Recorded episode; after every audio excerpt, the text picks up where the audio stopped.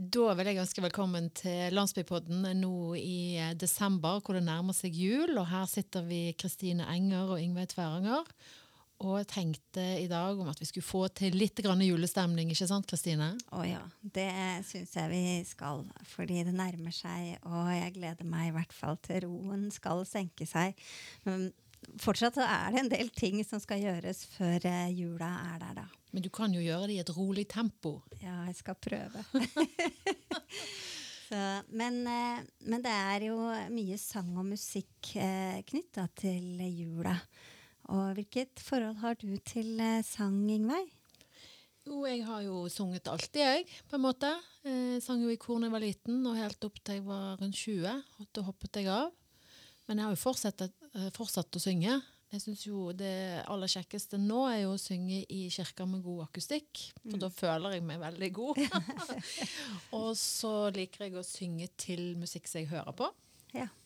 Og nå når det nærmer seg jul, så er det jo Kurten, selvfølgelig. Og mm. så er det mye Michael Bublé, Solveig Slettagjell f.eks. Da kjenner jeg at da får jeg lyst til å synge med. Mm. Jeg synger jo i kor fortsatt, så jeg driver jo øver på julesanger, da. Og skal jo litt uh, rundt forbi med, med koret mitt uh, der. Så det er, uh, det er i hvert fall sånn jeg synger meg inn i forhold til jula. Og dette med å synge er jo ikke tilfeldig, for vi har jo en gjest i dag som er utrolig flink å synge. Og da er vi superglade for å kunne ønske deg velkommen, Thomas Caro Tvedt. Takk. Du er jo en sanger her fra Randaberg som gjør deg ganske gjeldende. Og vi lurer jo på hvordan fant du ut at du kunne synge? det, det, det, tror jeg ikke jeg fant ut før sånn fem-seks år etter at jeg hadde begynt med det. Sagt litt sånn flåsete. Men jeg, jeg, jeg begynte å synge i eh, Da jeg skulle konfirmere meg, så begynte jeg i, i Kredemus. Eh, bort på bedehuset og sang der. Og, og så var det musikaler som jeg var med på, bla, bla, bla, bla, begynte på kulturskolen. og Så gikk jeg musikklinja på videregående, og så gikk jeg et år på musikkfolkehøgskole. Og vi hadde ennå ikke helt kommet til det punktet der jeg tenkte at sang var det jeg skulle holde på med. Men visste du at du hadde en stemme som var ok? Eller? Ja, det visste jeg. Ja, ja, det, det, visste jeg. Altså, det, eller det hadde jeg jo fått hørt. Og det fungerer. jeg fikk liksom god respons på det som jeg holdt på med. Eh, og viktigst av alt var at jeg, koste meg med å holde på med det. Jeg synes det var... Eh, det der å få, å få, gå på videregående og holde på med musikk, det skal man ikke undervurdere. Det er mm, både fordi mange av oss som gikk der, ender opp med å jobbe med det profesjonelt, men òg fordi det var utrolig gøy. Altså, du kan se mye fint om eh, samfunnsfag og kjemi og fysikk og sånn. Men vi satte opp, vi sang, vi satte opp musikaler, rockemusikal andre året, hadde konsert på Folken og sang hadde konserter på Majas og sånn. Så det var, det var veldig gøy. Men hva, hva, var det kjekkeste du følte at du fikk uh, gjøre på videregående, de opptredenene du nevner, eller andre ting? Hvor liksom kjente du nå Nå står jeg her, og dette nyter jeg. Det tror jeg var da vi hadde første året, så hadde vi et Tom Waits-prosjekt. Der vi liksom bare ble plassert i band. og så skulle vi, Det var nesten ingen av oss som hadde hørt om Tom Waits. Tom Waits har gitt ut sinnssykt mange album og er liksom eh, Jeg vet ikke egentlig hva man skal si at han holder på med engang. Men han har gitt ut veldig mye musikk, da, men det var litt sånn ukjent for oss. Men utrolig mye kult og utrolig mye fint. Og da husker jeg jeg sto eh, Det var um, i november 24. november eh, 2008. Og Den dato husker jeg av to grunner. Det ene var fordi at min farfar hadde dødd eh, uke før. Eh, og det andre var at jeg nå er jeg ikke helt sikker, men jeg er ganske sikker på at det var den datoen Freddie Mercury døde på. Eh, så, var, så, for meg var det liksom sånn Det var mye, det var mye følelser og mye greier. Også da jeg sto der på scenen, og det er fullt trøkk med band, og folk klapper, og jeg synger, og det funker, så kjente jeg sånn Yes, dette her er jo Dette her, dette her kan bli bra. det må jo ha vært en veldig sånn uh, mixed uh, opplevelse òg, med det bakteppet du skisserer der? Egentlig ikke. Fordi at uh, jeg, har, jeg, har, um, jeg, har, aldri vært redd for å være lei meg, og jeg har aldri vært redd for å kjenne på sterke følelser. Og når jeg synger, så Jeg skal ikke si at jeg alltid får alt ut, for det er ikke sånn at jeg synger meg glad. Men, jeg, men, har, men det har vært mange ganger der, liksom, der det har vært ting som har skjedd i livet, og så skal jeg ha en konsert. Og jeg har aldri avlyst en konsert pga. noe sånt. da, da går jeg opp, og så synger jeg det. Så bruker jeg det inn i det. Men det er da som du sier at du ikke er redd for sterke følelser. Hva tror du som gjør at du er på en måte så sterk, da? At du står i det?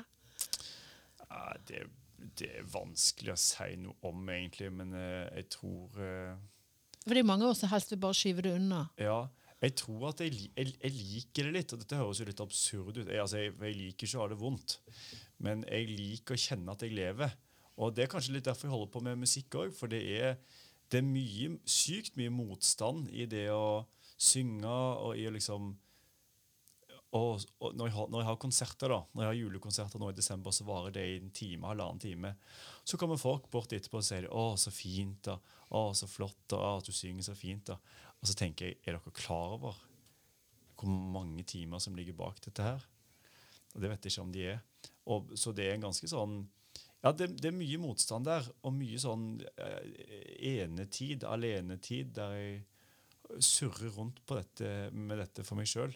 Og så skal jeg liksom ut og, og satse på at folk liker det. så det er litt sånn ekstrem, ekstremsport på en måte. Ja. Ja, men du blir jo sterk av det, det, det skjønner jeg. Og jeg tenker jo litt eh, mm, Du er jo opptatt eh, av å hjelpe folk også, fordi du, du driver ikke bare og synger. Du tar en master nå som handler om enda mye mer. Det er musikk og sang, men det er også å kunne være terapeut. Ja. Og, og jeg, når du beskriver det sånn som du snakker nå, så skjønner jeg at det henger egentlig veldig godt sammen. Ja, det henger sammen. og eh, liksom Grunnen til at jeg begynte med det, var fordi at jeg skjønte på et tidspunkt mens jeg holdt på med den sangutdannelsen, at det er ikke bare dette jeg skal holde på med. For det, det blir så Det blir et så veldig ensretta fokus på meg og min stemme og hvordan skal jeg bli bedre og bla, bla, bla. Og så tenkte jeg eh, det må jo være andre måter jeg kan få brukt musikk på. Men det du gjør, er altså at du nå går på Musikkhøgskolen i Oslo. Ja. Og der har du studert i noen år, og nå er du i ferd med å avslutte en master i musikkterapi. Ja. Og eh, hva, hva kan du gjøre med det? Hva tenker du? Nei, hva jeg kan gjøre med det, det gjenstår å se. da. Jeg, jeg har ikke noen sånn veldig tydelig plan på det. Men musikkterapeuter, musikkterapi er liksom noe som er litt sånn up and coming. Det er mer og mer forskning som viser at det funker, og det brukes veldig mye i eh, arbeid på sykehjem, f.eks. Der er sånn klassisk eksempel på det at du at, personer med demens som ikke har språk, plutselig kan begynne å synge når de hører en sang som er kjent for dem. Eh, så det brukes mye der, og det brukes mye innenfor psykisk helsevern og eh, i skolen, rusomsorg, og i fengsel, der jeg har, jeg har hatt praksis i fengsel.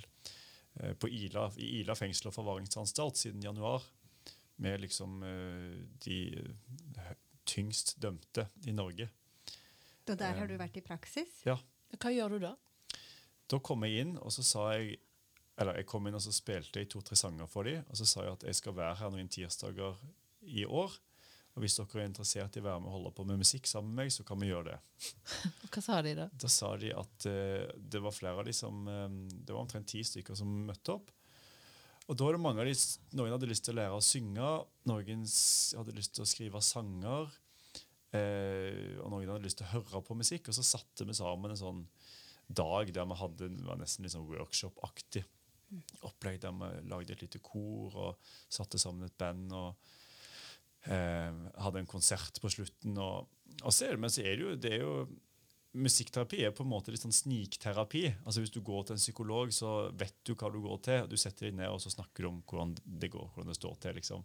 Mens musikkterapi, der, eh, der kommer de, og så har de med seg gitaren, og så sitter, snakker vi om musikk, og så spiller de litt, og så skriver de litt tekster, og, og plutselig så kan det være et eller annet som løsner. sånn som eh, Det var en gang det var en fyr som hadde med seg en, en sang som betydde noe for han. Hadde med seg en CD. da. Og så viser han den til de andre som var med i gruppa, og til meg. Og plutselig ja, Dette var liksom den 14. eller 15. gangen. Og vi har ikke snakka om hvorfor de sitter der. Vi snakker om musikk med det, det vi holder på med. Men plutselig så begynner han å fortelle om hva han har gjort, og hvorfor han sitter der. Og så er vi plutselig inne i ganske tung materie som, som, som dukker opp fordi at musikken setter det i gang. Musikken utløser et eller annet. Um, og det er på en måte noe av det som er fint med musikkterapi. Da, at det er Man starter ikke med problemene, man starter med, med noe som er positivt for mange, og det er musikken. Mm. Det hørtes jo likevel ganske krevende ut, da. At du da plutselig så så kommer det mye, og så åpner de seg. Og, så du må jo lære også hvordan du skal håndtere det Ja. på en god måte. Og, sånn at de, når de går fra deg, så, ja, så, så er de litt sånn lappa sammen igjen, for å si det sånn. Ja, det er det. Og dette, så Musikkterapiutdannelsen er ikke en ren musikkutdannelse. Det er mye, Vi har en del psykologi og en del pedagogikk og relasjonskompetanse og kommunikasjonskompetanse. og eh, og så videre, så videre. Så vi, vi er absolutt kapable til å ta det imot. Det, det, er sånn at vi, det er ikke sånn at vi er musikere som kommer inn og bruker musikk over en lav sko. Vi er terapeuter som, som har liksom musikk som verktøyet vårt. Litt sånn enkelt sagt, så hvis du driver med samtaleterapi og er psykolog, f.eks., så er det samtale det går på. Mens her er det primært musikken. Men ja, vi er jo ikke, vi er jo ikke eksperter på, på liksom tunge traumer og sånne ting. da. Selv om man kan Det, det fins musikkterapeuter som jobber med det òg. Men eh, det, det er liksom først og fremst musikken som er det vi holder på med. Men eh, musikkterapeuter, hvor eh, jobber de hen? Altså, er, det, er de ansatt i det offentlige, f.eks.? Er det sånn at man kan bli henvist til en musikkterapeut? Det blir mer og, mer og mer sånn at man skal kunne bli henvist til det. At man har krav på det, f.eks. i innen eldreomsorg. Det finnes eh, Altså, det er litt sånn Hvis du blir utdannet som musikkterapeut, så får du alltid jobb. For folk syns det er veldig spennende. 'Å, du holder på med musikk og terapi.' Ja, det er spennende, ja. ja. Men det fins ikke så veldig mange stillinger satt av til det. Så det er litt sånn bakvendt. og Folk heier veldig mye på, mens, mens antall musikkterapistillinger sånn, eh, er nok ikke så veldig høye. Så man blir liksom ansatt i andre som kulturarbeider eller miljøterapeut. Eller. Så der er det en vei å gå og en jobb å ta for noen. Men du Thomas, eh, jeg tror, eh, sånn som du snakker nå, så høres det ut som du vil være en veldig bra musikkterapeut. Så jeg håper jo at de som har lyst til å ansette deg, fanger det opp. Ja, det får vi håpe. Men, men eh, du er jo en litt spesiell person. Eh, for du er jo blind. Mm. Eller ser ikke helt, som vi snakket litt om det. At du ser jo litt eller, nyanser og sånn, men, men eh, du er jo liksom per deff blind, da. Ja, defin definitivt per ha- deaf-blind. Ja, og så har vi eh, forbilder der ute i verden som eh, gjør kjempestore karrierer som blinde sangere. Sant? Mm. Vi snakket jo litt om Bocelli her før vi kom på. Mm. Er det noe sånn at du ser deg sjøl der framme et sted, at det kunne vært noe? Eller vil du helst være musikkterapeut, eller liksom hvor? Hva drømmer du om? Nei, Hvis jeg kan dit, så går jeg dit. Ikke fordi, ikke fordi han er blind, men fordi han er god til å synge. Og fordi han berører folk. Hvis jeg kan det, så gjør jeg det. Men jeg, ikke, jeg gjør det ikke for enhver pris, på en måte. Jeg, det har jeg snakka litt om i stad, men jeg har litt sånn jeg har ikke noe, jeg, På en måte så er jeg veldig ambisiøs på egne vegne. Jeg jobber på og står på, men jeg er ikke ambisiøs på den måten at det er sånn at dit skal jeg. Jeg skal til den scenen, eller så mange skal ha hørt om meg.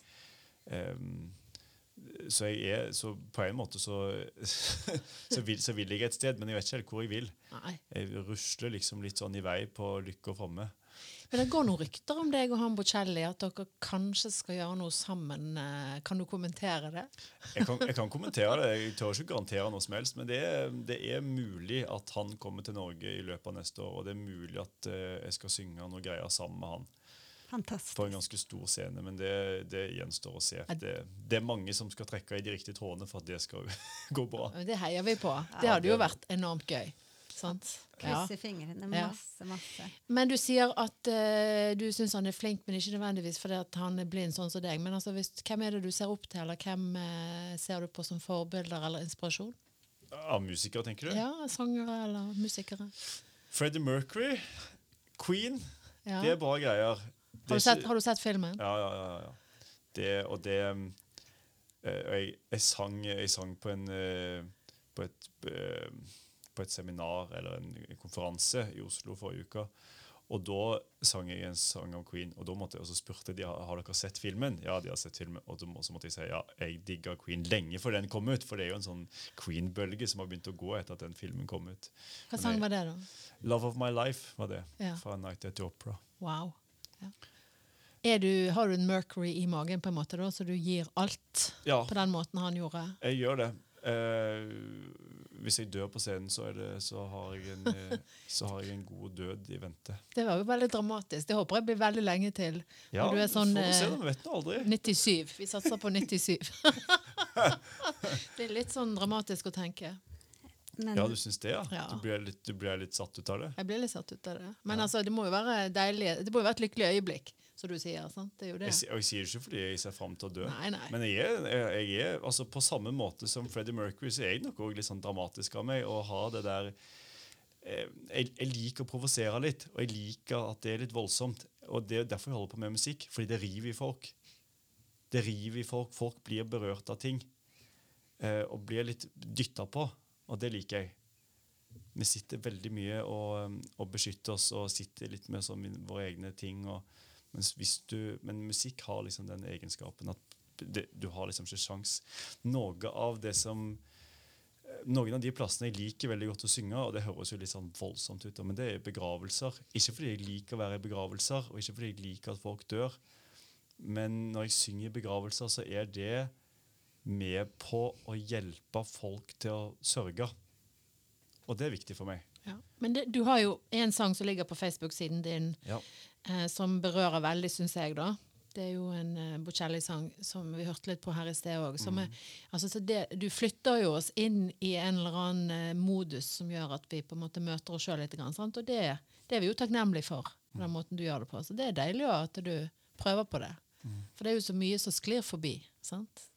Jeg hører jo egentlig at du, du har noen gode målsettinger. da, fordi det er eh, altså Ikke akkurat hvor du skal, men det er hva du vil gjøre. Ja. Altså Dette med å berøre mennesker, hjelpe mennesker, løfte mennesker opp. Eh, altså Det er de tingene som du egentlig snakker om. Og da tenker jeg det er jo egentlig bare det du må gå etter.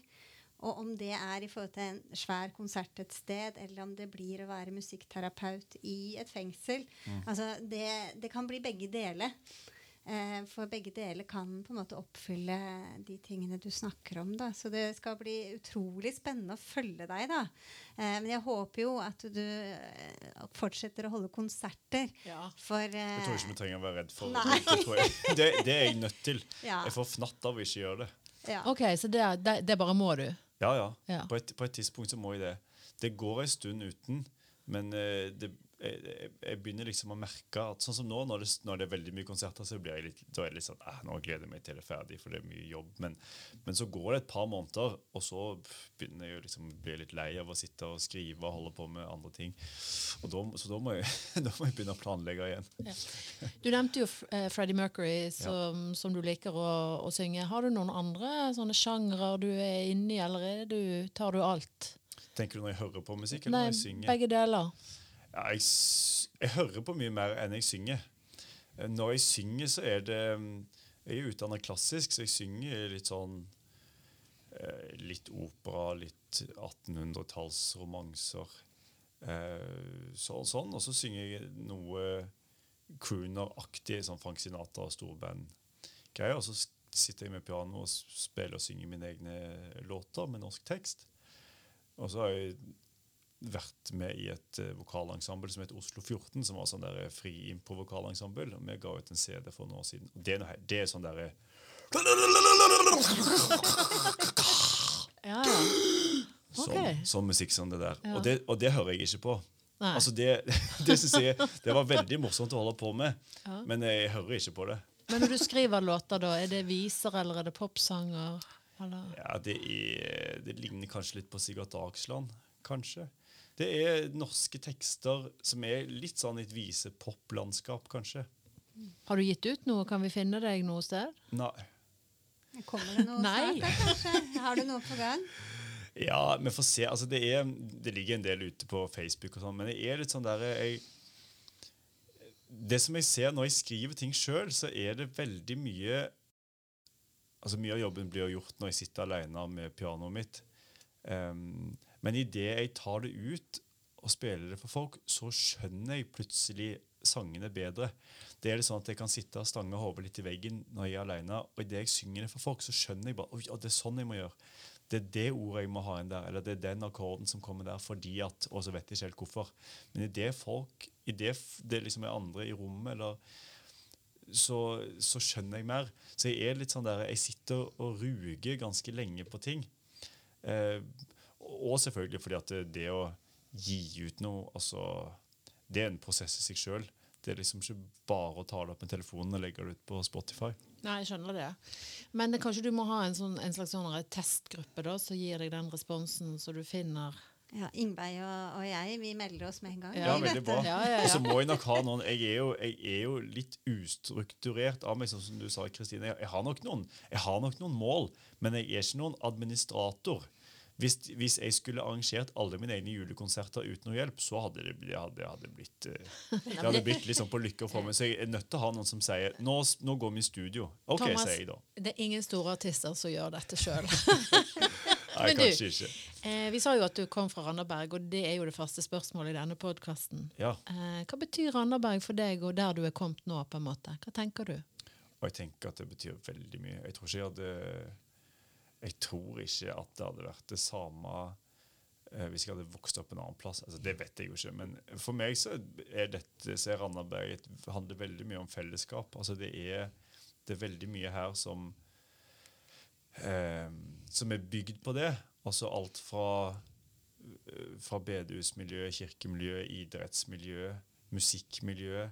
Vi, hjelper hverandre fram her. Og sånn som det med, det, med musikk, eksempel, det, det var liksom ikke Igjen, da, der, der kom det inn administratorer i hermetegn som sa har du lyst til å være med i korps og har du lyst til å være med i kor. Ja, ja, sa jeg. Det kan jeg sikkert.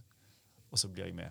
Og så er det folk som heier, og folk som, som er gode på sine ting. Sånn som, eh, sånn som altså Da jeg sang i, i Kredemus for uh, litt over ti år siden, så kom det inn en fyr en gang som het Arild Schjøll og sa nå skal vi lage eh, sang til fotballaget vårt. Og så tok han opp korene vi sang. da. Eh, og det var Arild som spurte om jeg ville være med på Frelsesarmeen sine konserter i Konserthuset nå, f.eks. Ja. Så det, det, det, alle relasjonene her sitter i. Og det er ikke sånn at selv om jeg bor i Oslo nå, så føler jeg at jeg hører mindre, hjemme, hører mindre til her hjemme. Det er så, så Randaberg hvis, hvis, jeg, hvis jeg må si ett ord, så er det fellesskap, tror jeg. Og det var eh, fint å høre. Og eh, du, eh, du hører til her. Det er Bra. ingen Ja, det tvil er om. bra. Men jeg har lyst til å spørre deg om en ting. For jeg så noe på Det må ha vært eh, noe på Facebook eller noe om at du, du, eh, du klarer å få til noe som heter ekkolokalisering. Ja. Altså at du faktisk, når du beveger deg rundt, og, Mm. og du ser jo ikke noe, eh, og, og allikevel så vet du på en måte Der er det en bygning, der kan jeg gå rett fram, her er det en trapp. Du kan beskrive hvordan trappa ser ut. Du kan beskrive hvordan bygningene ser ut, om de har verandaer. Og, og, det, og det er bare helt, helt sprøtt, faktisk.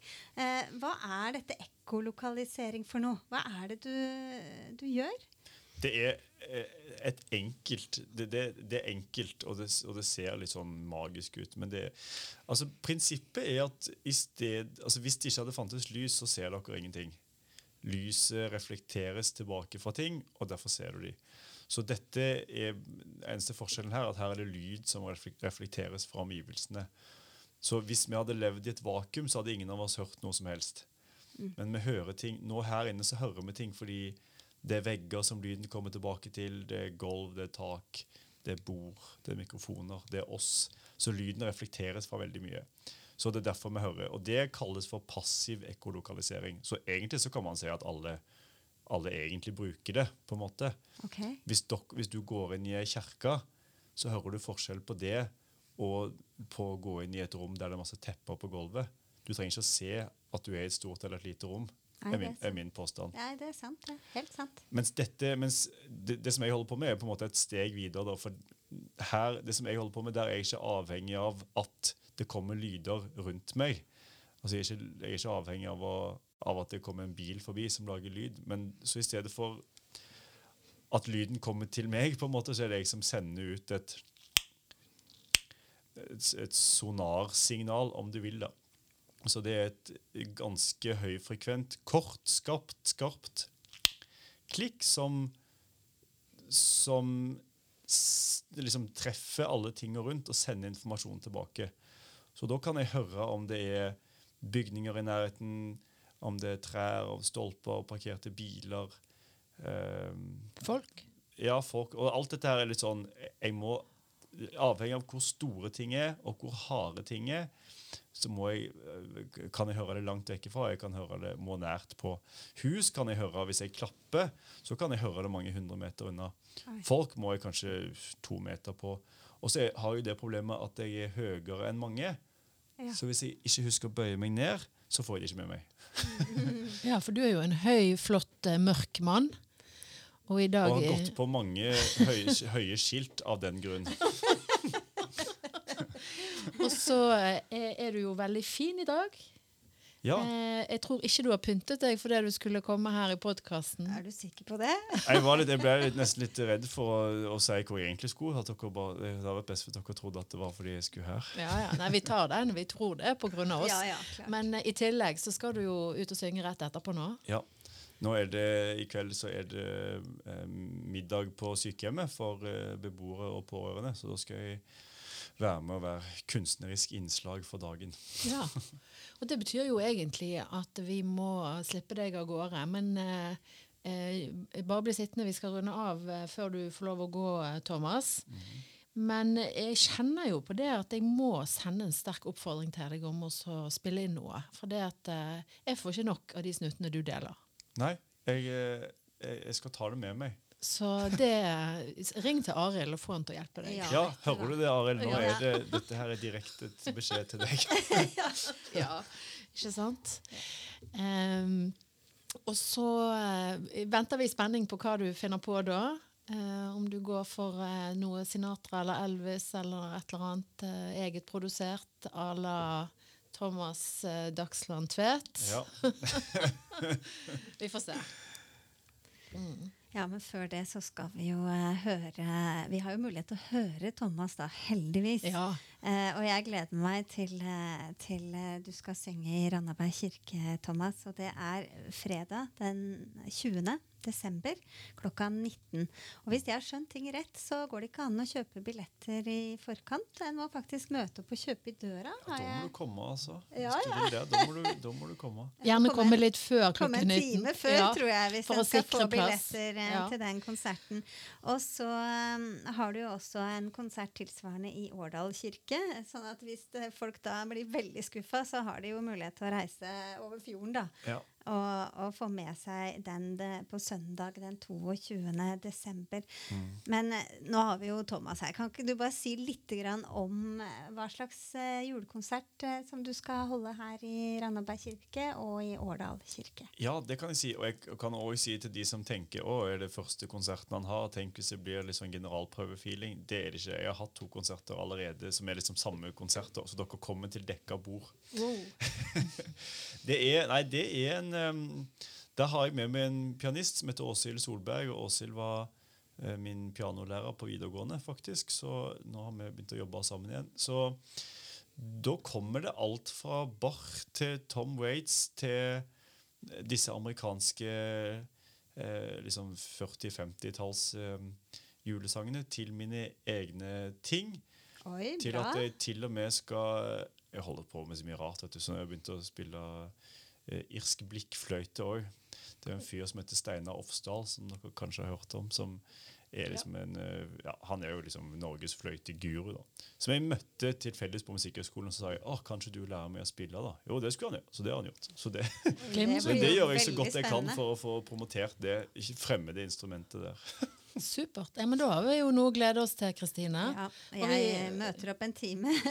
Og vi, vi oppfordrer alle til å gå der. ja, Ja. absolutt. Um, men da tenkte jeg at da går vi over til de faste postene. Og jeg tenkte du skulle få begynne med det grønne hjørnet ditt, eh, Kristine. Ja, og der har jo jeg en utfordring i dag, da, for jeg har jo laga en sånn kjempelang liste Ja. over masse masse ting. Og du er kjempestreng med meg, Ingveig, så jeg får bare lov til å ta én eller kanskje to ting. Men OK.